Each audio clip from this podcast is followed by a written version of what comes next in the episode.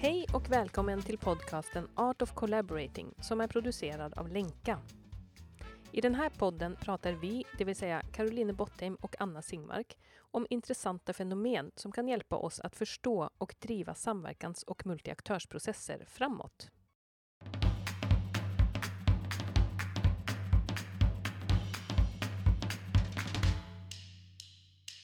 Ja, Karolina, vad kul. Då sitter vi här och ska prata om ett till begrepp som vi tycker är värdefullt att ha med oss. Eh, och det är hypotesbildning. Eh, och det har vi ju sett fram emot också länge att prata om. Eh, och, eh, men om vi checkar in på det här samtalet bara. Vad, eh, vad tycker du ska bli intressant med det här samtalet? Ja, jag tycker att eh, som du säger att det är väldigt skönt att få prata om det här. Det känns som att det är skönt att få prata om alla de här begreppen som vi använder oss väldigt mycket av, både på våra utbildningar och när, vi, när du och jag jobbar. Och hypotesbildning är ju ett sådant begrepp. Så vad ska bli intressant med det här samtalet? Ja men det är väl... Eh, eh, jag har ju en eh, hypotes om var vi kommer landa i det här samtalet. Så det ska bli intressant att se om det blir så, som är min hypotes. Ja.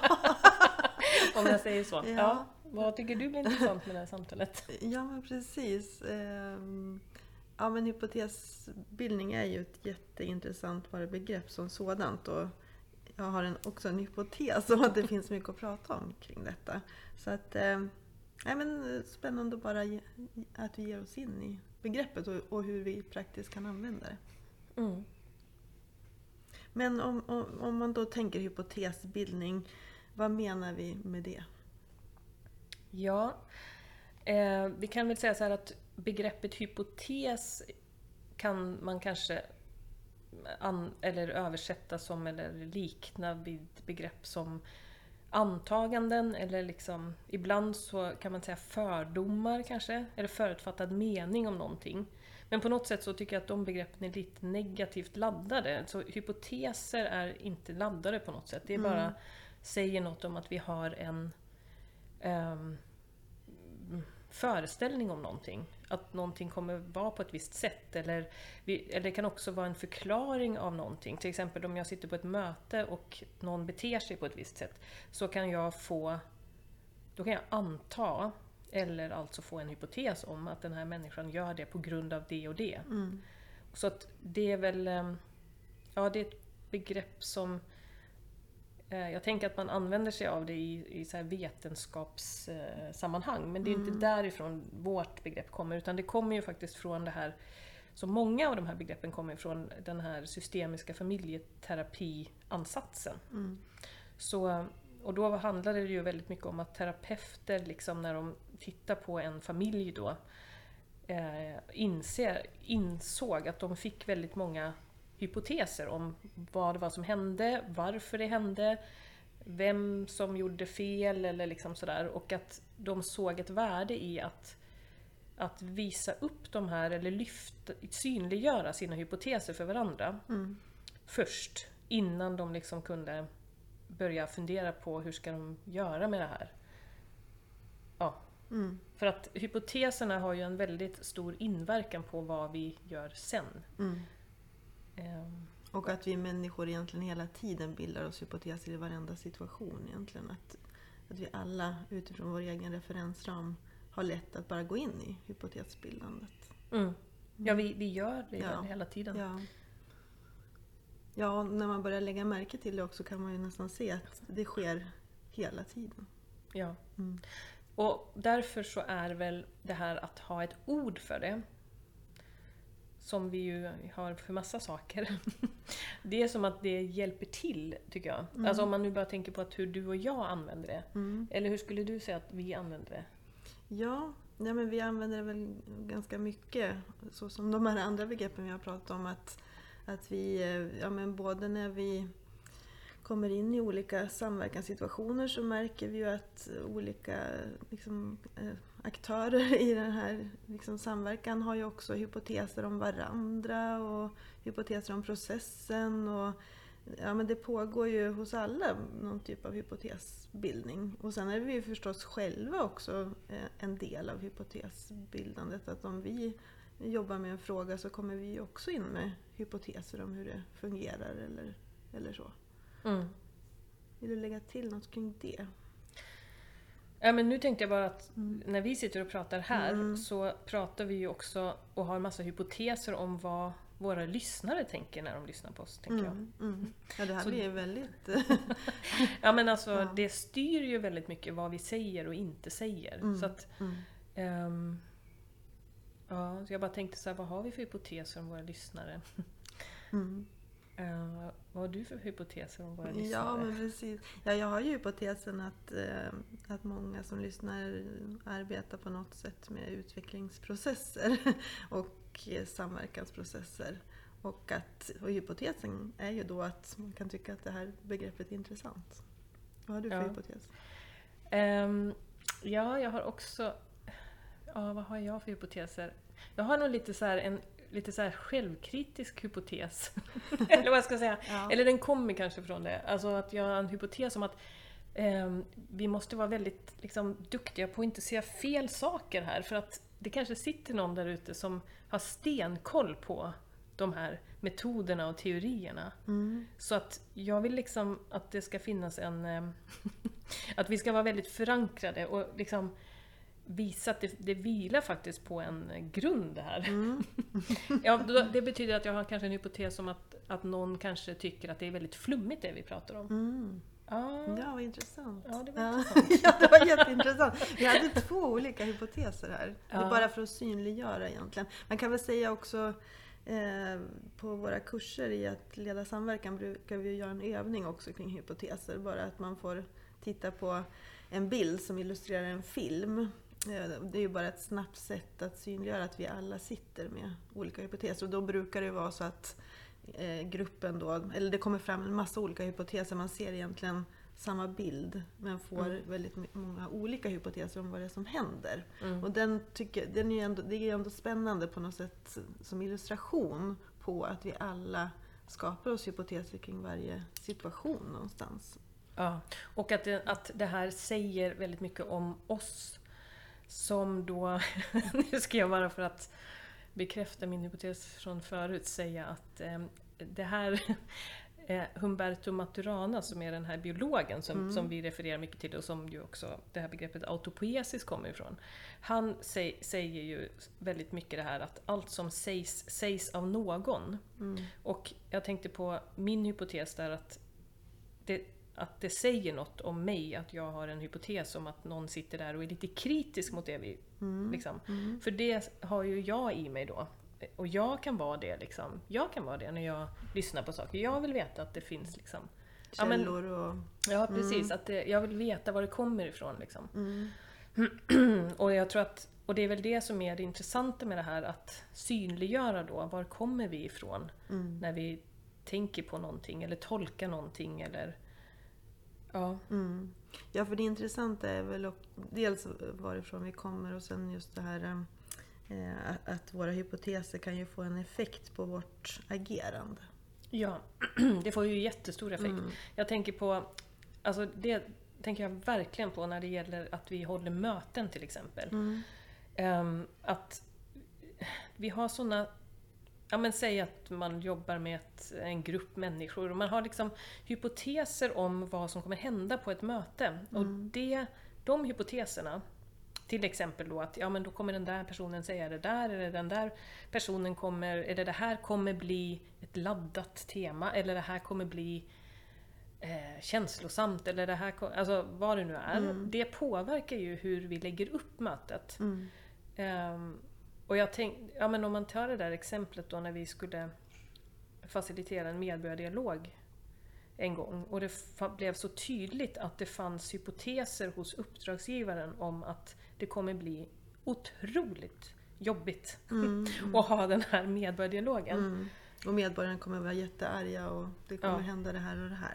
Ja, det kan hända verkligen hemska saker. Och precis, de är så, det kommer, och, och då blev liksom, tror jag, från deras håll effekten av det, den hypotesen, att de skulle liksom ehm, på förhand på något sätt säkra upp att det inte skulle Mm. kunna komma någonting sånt. Vilket betyder att, betyder att hela den dialogen skulle då riggas utifrån att eh, man informerar väldigt, väldigt mycket, jätte- jättemycket om allt. Så att, ingen, så att det skulle liksom inte finnas några luckor. Just det. det styrde egentligen hela deras tänk kring designen av mötet och hur man skulle genomföra det hela. Mm. Mm.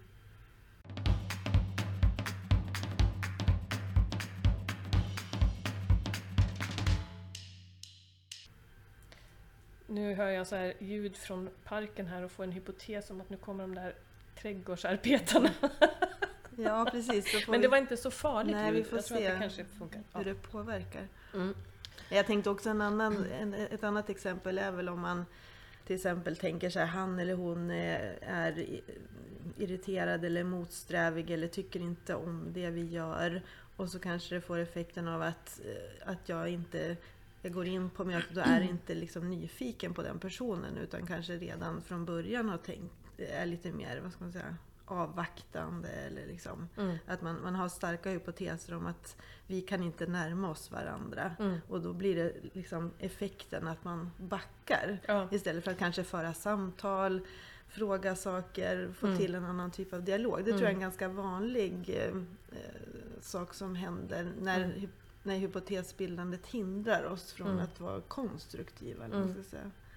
Ja, och då är det ju, apropå hur vi använder oss av begreppet, så tänker jag att det tycker jag har varit ganska bra om, eller det är ett bra sätt, om jag till exempel nu, om vi sitter och jobbar med någonting Mm. och, det, och jag får en upplevelse, vad vet jag, att, att du tycker det är jag menar att, eller att vi har olika bilder av vad vi ska göra eller så. Mm. Då, om jag då kan säga, nu får jag en hypotes om att du eh, tycker att jag driver på för hårt i det där. då, I det ögonblicket så händer det ju någonting som gör att vi kan prata. Dels kan du ju reagera på det och säga att nej men det stämmer inte eller, Mm. eller det, var, det är mer det här. Men du, du får ju också syn på att jag ehm, att ditt beteende påverkar mig. Alltså, Mm. Så på något sätt så lyckas vi ju då eh, lyfta det mellan oss, det som annars bara sitter i var och en, eller vad man ska säga. Mm. Som liksom är dolt och som Mm. då utspelar sig sin makt lite på ett annat sätt. Ja precis, det blir ju någonstans att vi går ut ifrån vår egen tankevärld och, och kan uttrycka oss. Ja, och kan, liksom, då kan man klargöra det, vad det handlar om egentligen. Mm. Ehm, Eller till exempel, tänker jag, om, om, jag vet att det kan hända när vi har utbildningar ibland, att om, om, eh, de, om deltagarna ser lite så här trötta nej, blir lite tysta och inte säger så mycket, man får inte så mycket respons. Då kan ju jag få en hypotes om att det är tråkigt eller att, att vi pratar om någonting som inte är begripligt eller lite så. Och då kan det ju vara bra att säga, nu får jag en hypotes om att ni, att, att ni liksom eh, inte är riktigt med. Mm. Stämmer det? Och då blir det ju ofta att det, det är inte det som det handlar om utan det kanske var att man är väldigt fokuserad och koncentrerad Mm. och tänker liksom... Precis, vi Ehm. stämmer av helt enkelt vår egen bild mot andras. Mm. Jag tänker också, vi pratade ju om linjäritet och cirkularitet för något avsnitt Mm. sen. Och eh, jag menar, det här att säga också, jag får en hypotes kring, är ju inte så linjärt. Det, det öppnar ju lite grann upp för att man vet inte om det är så eller Mm. inte, utan man liksom stämmer av. Mm. Jag fick en hypotes om det här. Mm. Eh, vad tänker du? Stäm, Det är liksom inte så att vi har ett färdigt svar. Så Nej. det blir ju en, ett mjukare sätt att eh, föra dialog på. Jag tror att det sätter igång mindre av det här som vi pratade om, logiska krafterna. Att man börjar argumentera eller liksom... Det, det är ett kommunikativt sätt att, eh, att inte komma in i för mycket argumenterande. Ja. sätt. Och det är ju ett kommunikativt sätt att vara mm, mer i det, eller att ta hänsyn till det här cirkulära. Mm. Som ju handlar om att jag vet att allt jag tänker och gör och visar och det påverkar den andra och sen påverkar det mig tillbaka. Mm. Så det är liksom, det, vi är hela tiden i någon sån där cirkulär dynamik. Mm. Och ehm, att, att prata om det och lyfta det, det gör liksom att vi kan ja, skapa lite luft i, i det där liksom, och möjliggöra kanske att bli lite mer medvetna om vad vi håller på med. Mm. Och helt enkelt stämma av liksom med den andra eller de andra. Är det Mm. så här? Liksom? Ja, för om man tänker på den här, tillbaka till den här rollen då, som är, alltså, vi har ju pratat om rollen när vi leder samverkansprocesser, att det är både en facilitatorsroll och en systemarkitektroll. Mm. Och framförallt tänker jag i facilitatorsrollen som liksom handlar om att möjliggöra samtal och eh, möjliggöra för eh, ja, klokt tänkande i en grupp till exempel. I den rollen så blir det så viktigt att Ibland pratar man ju om att vara neutral som facilitator. Mm. Och det är vi ju inte. Alltså, det är väl det den här hypotesbildningstanken handlar om. Att även om vi vill vara det, vi kan ha en strävan att vara det, men vi kommer aldrig vara det helt och hållet, för vi kommer ha våra hypoteser, och, eller bilda våra hypoteser hela tiden. Mm. Och, men genom att lyfta dem då, som facilitator också, och vara transparent med dem, Mm. då skapar vi en större möjlighet för kanske inte något neutralt agerande, men lite mer involverande, eller vad man ska säga. Alltså att det blir mer ett... Ja. Förstår du? vad Ja, precis. Och det, blir det inte också att det blir lättare att samskapa saker och ting?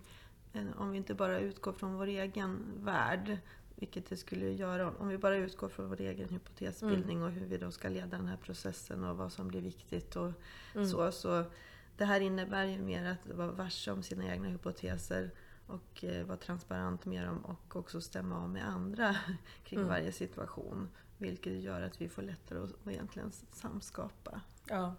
Och det är ju, vi brukar också ha det här exempel, exemplet att man sitter på möten och har massa hypoteser om Ja, men om eh, de som sitter där och vad de Mm. har för problem just nu. Eller vad de har för, varför de säger någonting. Alltså det där är ju så otroligt påtagligt så att, att börja liksom vara medveten om det eh, och prata, alltså ge utrymme att prata om det tror jag det, det är ju väldigt viktigt på den nivån. Mm. Men sen är det ju också det här när vi, när vi pratar om de här komplexa frågorna Mm. som liksom inte kan lösas av något, bara ett sakområde eller liksom utan som verkligen behöver tas liksom från massa olika perspektiv. Mm. Då blir det ju, alltså sättet vi tar oss an de här frågorna, där blir det ju otroligt viktigt att prata om vad grundar sig det på för hypoteser? Alltså vad har vi för hypoteser om den här frågan som gör att vi tror att det här är rätt väg? Mm. För där tror jag att man ofta kan gå i några fällor på något sätt. Att, alltså, för att det är så komplext. Så det, det är liksom... Att, ja, men till exempel skulle en hypotes kunna vara ja, men det är bättre att vi gör någonting än att vi sitter och snackar i ett helt år. Mm. Skulle kunna vara en hypotes. Mm. Och en annan hypotes kan vara det är bättre att vi sitter och pratar om det på djupet Mm. för att kunna göra kloka saker om ett år. Mm. För det är så långsiktiga frågor vi pratar om till exempel. Mm. Men de hypoteserna är ju inte alltid synliga. Nej, nej. Så det är ju... Så det finns ju Mm. också hypoteser om hur vi ska ta oss an frågorna. Och sen tänker jag också att det finns hypoteser jag menar, det är ju, dels kan det finnas hypoteser för att man har varit till exempel i samma samverkansgrupp som man har en hypotes då om att, att den personen kommer att agera så och sådär. Men sen finns det också hypoteser om våra organisationer. Mm. Eh, och det eh, är ju lite också intressant att det kan ju vara att vi, vi har aldrig träffat en person från, från den eh, akademiska institutionen eller det företaget eller den Mm. offentliga myndigheten. Men vi har redan innan mötet börjar en hypotes om hur de kommer att agera. Ja. Och det där är ju också ett exempel på att det kan hindra oss.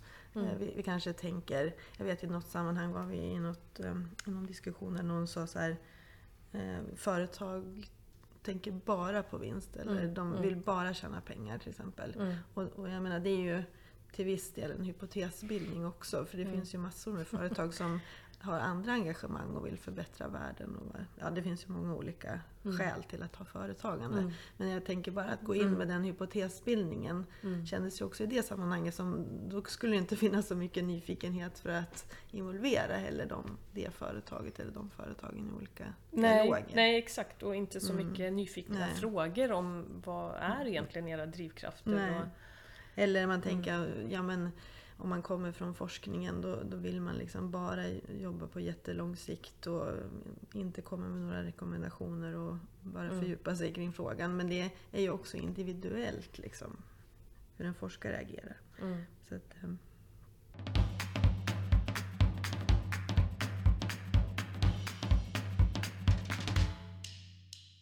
Du lyssnar på podcasten Art of Collaborating och vi hoppas att du tycker att det är intressant.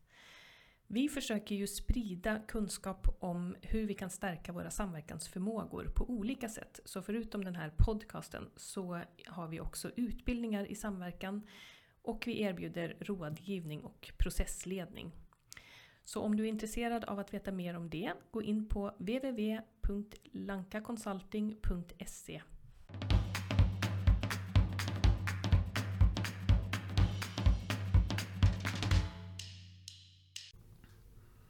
Jag tänker att det här em, begreppet em, ligger väldigt nära em, det här med linjärt och cirkulärt och, och autopoesis och alla andra begrepp vi håller på med på något sätt. mm, Men ändå finns det ett värde i att det finns just det här begreppet mm.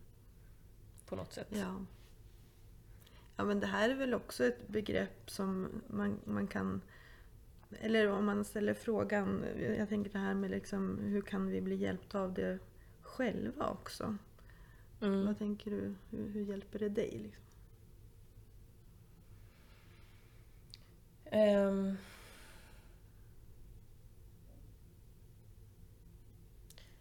Ja. Eh, ja, men jag tror att jag har liksom börjar... Det här, ibland pratar vi om att vi, är i, vi har verkligen gått in i vår egen bubbla med alla begreppen vi använder och sådär. Och det, Mm. det är i vår egen språkbubbla. Men jag tror att, och det har vi ju, och på det sättet så har det på något sätt bara blivit en naturlig del av mitt språk tror jag. Så att jag säger det väldigt ofta. Alltså, jag får en hypotes om. Ehm, och det är ju... Det hjälper ju jättemycket. Mm. Alltså, det, alltså både liksom privat och i jobbsammanhang. Mm.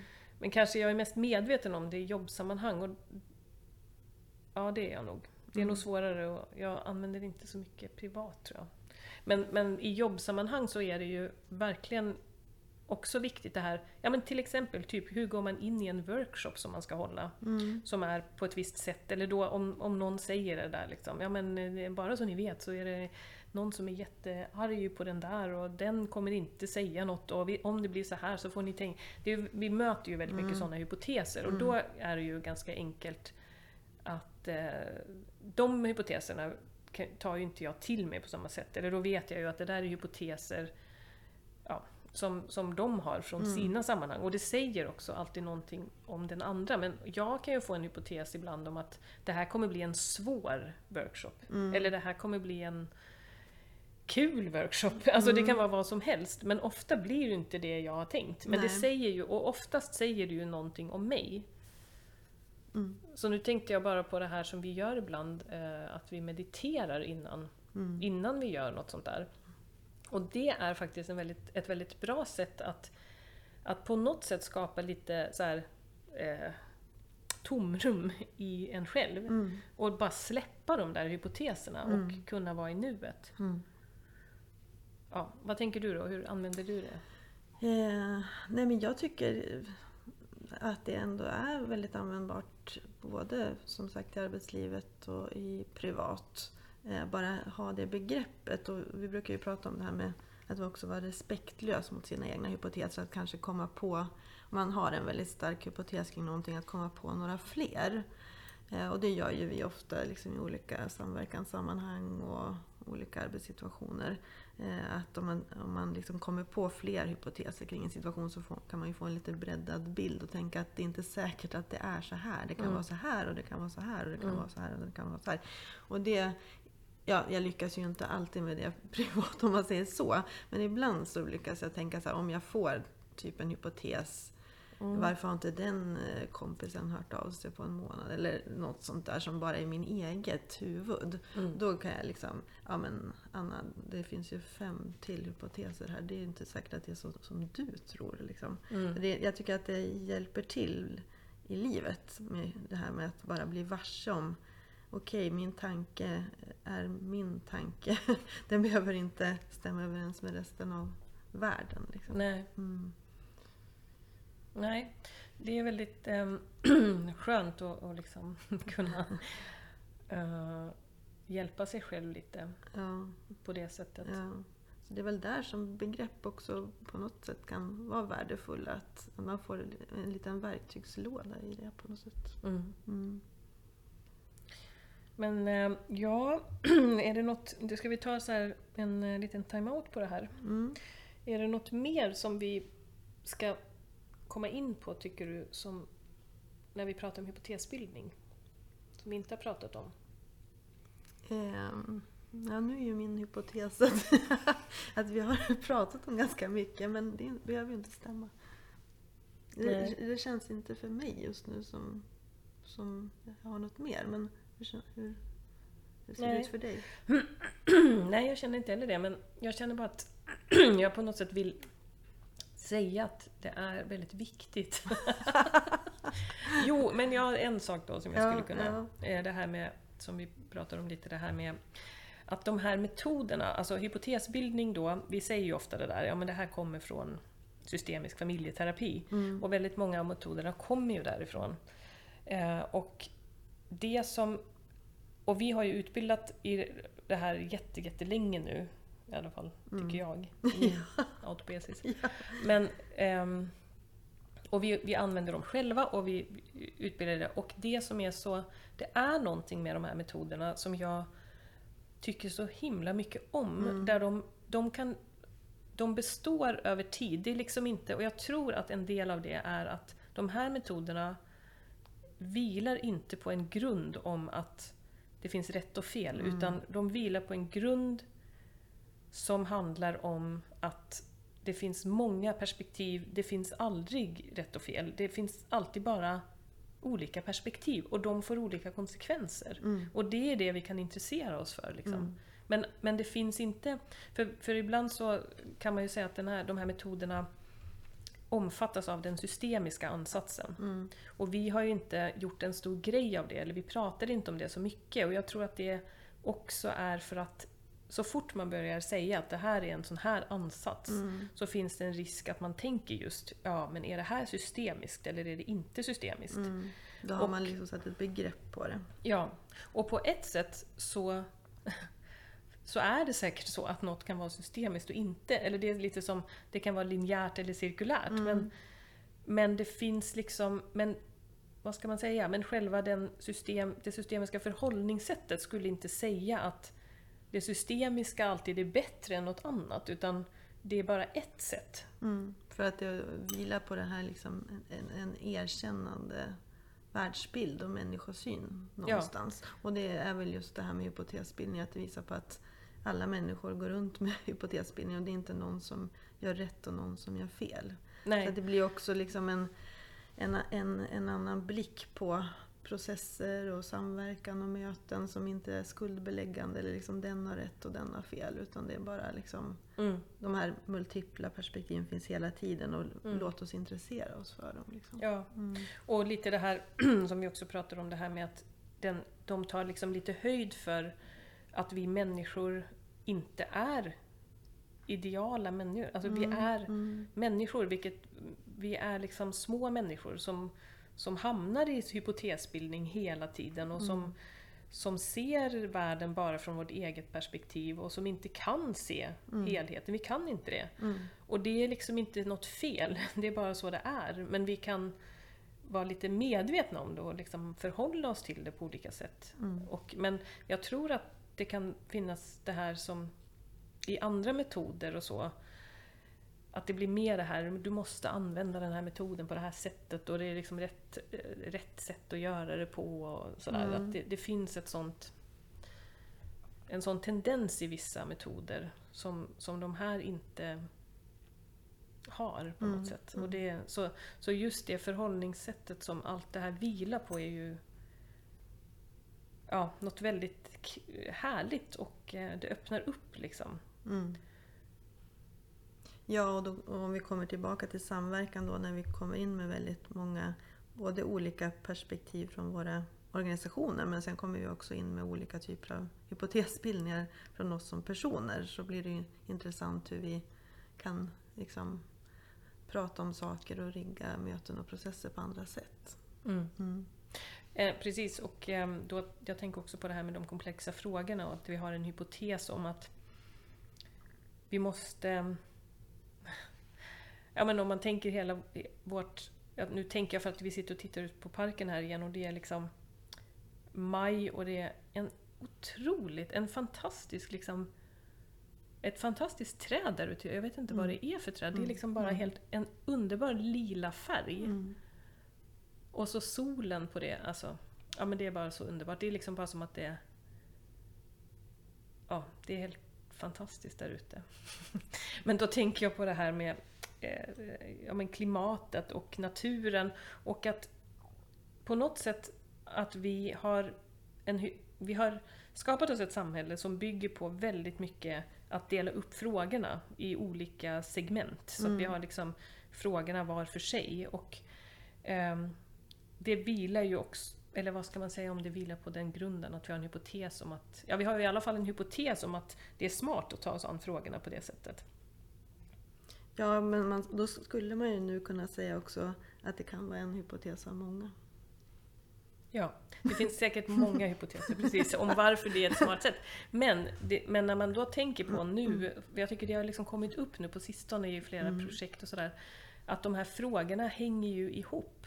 Men hur, så, så alla de här tänker jag när vi pratar om, alltså om vi ska hålla på och hantera klimatfrågan för sig. Ja men du vet när vi har varit i såna här dialoger och vilka är det som blir inbjudna till att arbeta med det? Ja men det är liksom de som är miljö, de som sitter på roller eller funktioner i systemet som har typ med något som har med klimat att göra.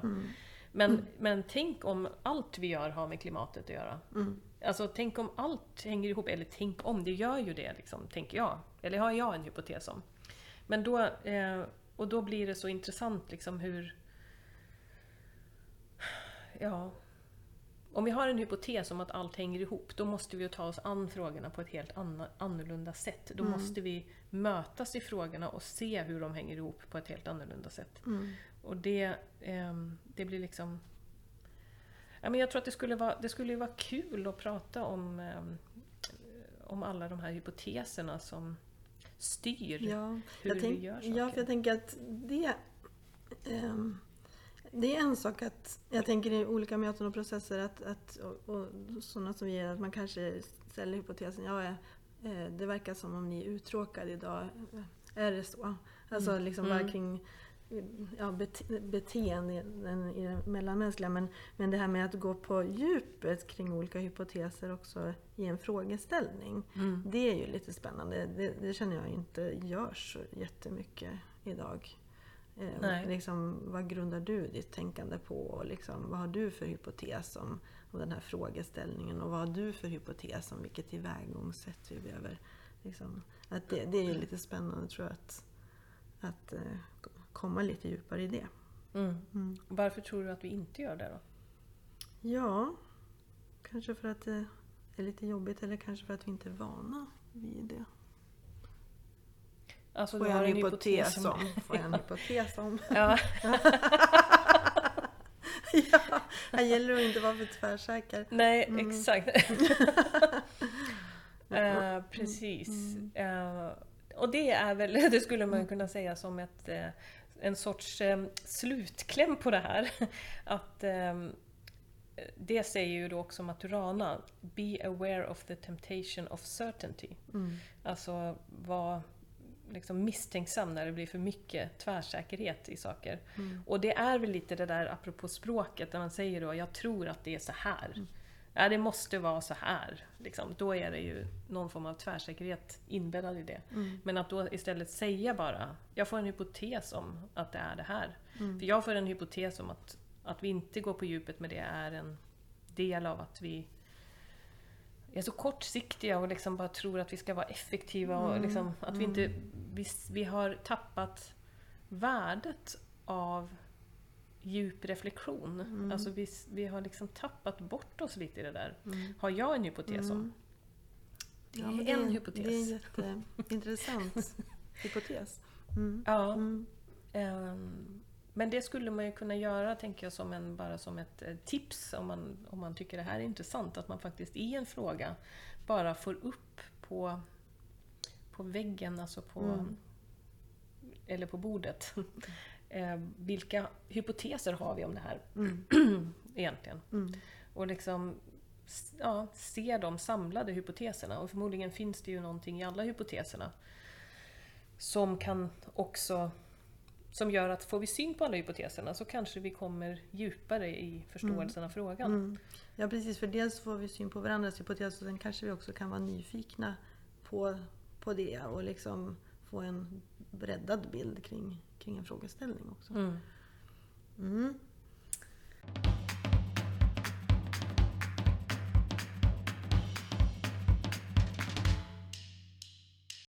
Väldigt intressant. Eh, Men, eh, ja, men om vi ska checka ut från, den här, från det här samtalet då.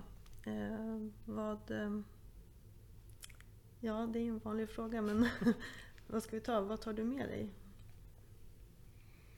Ja, det kan man väl ta. Mm, mm. Vad tar du med dig?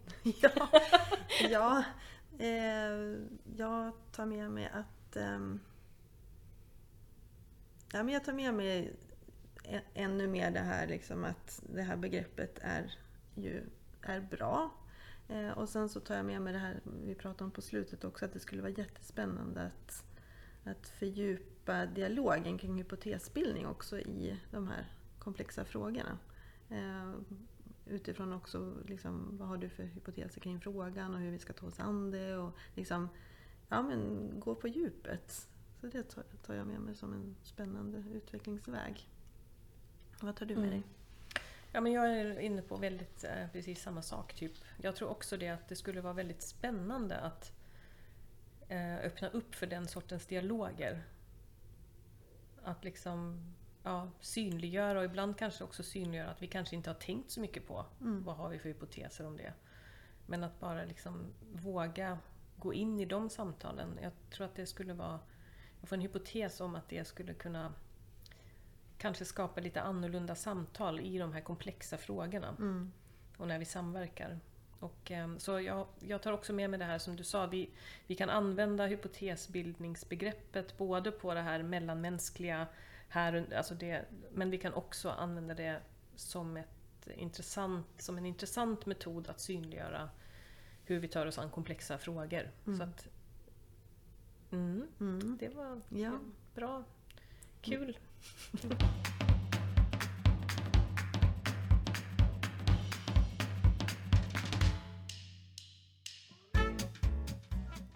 Tack för att du har lyssnat på vår podd.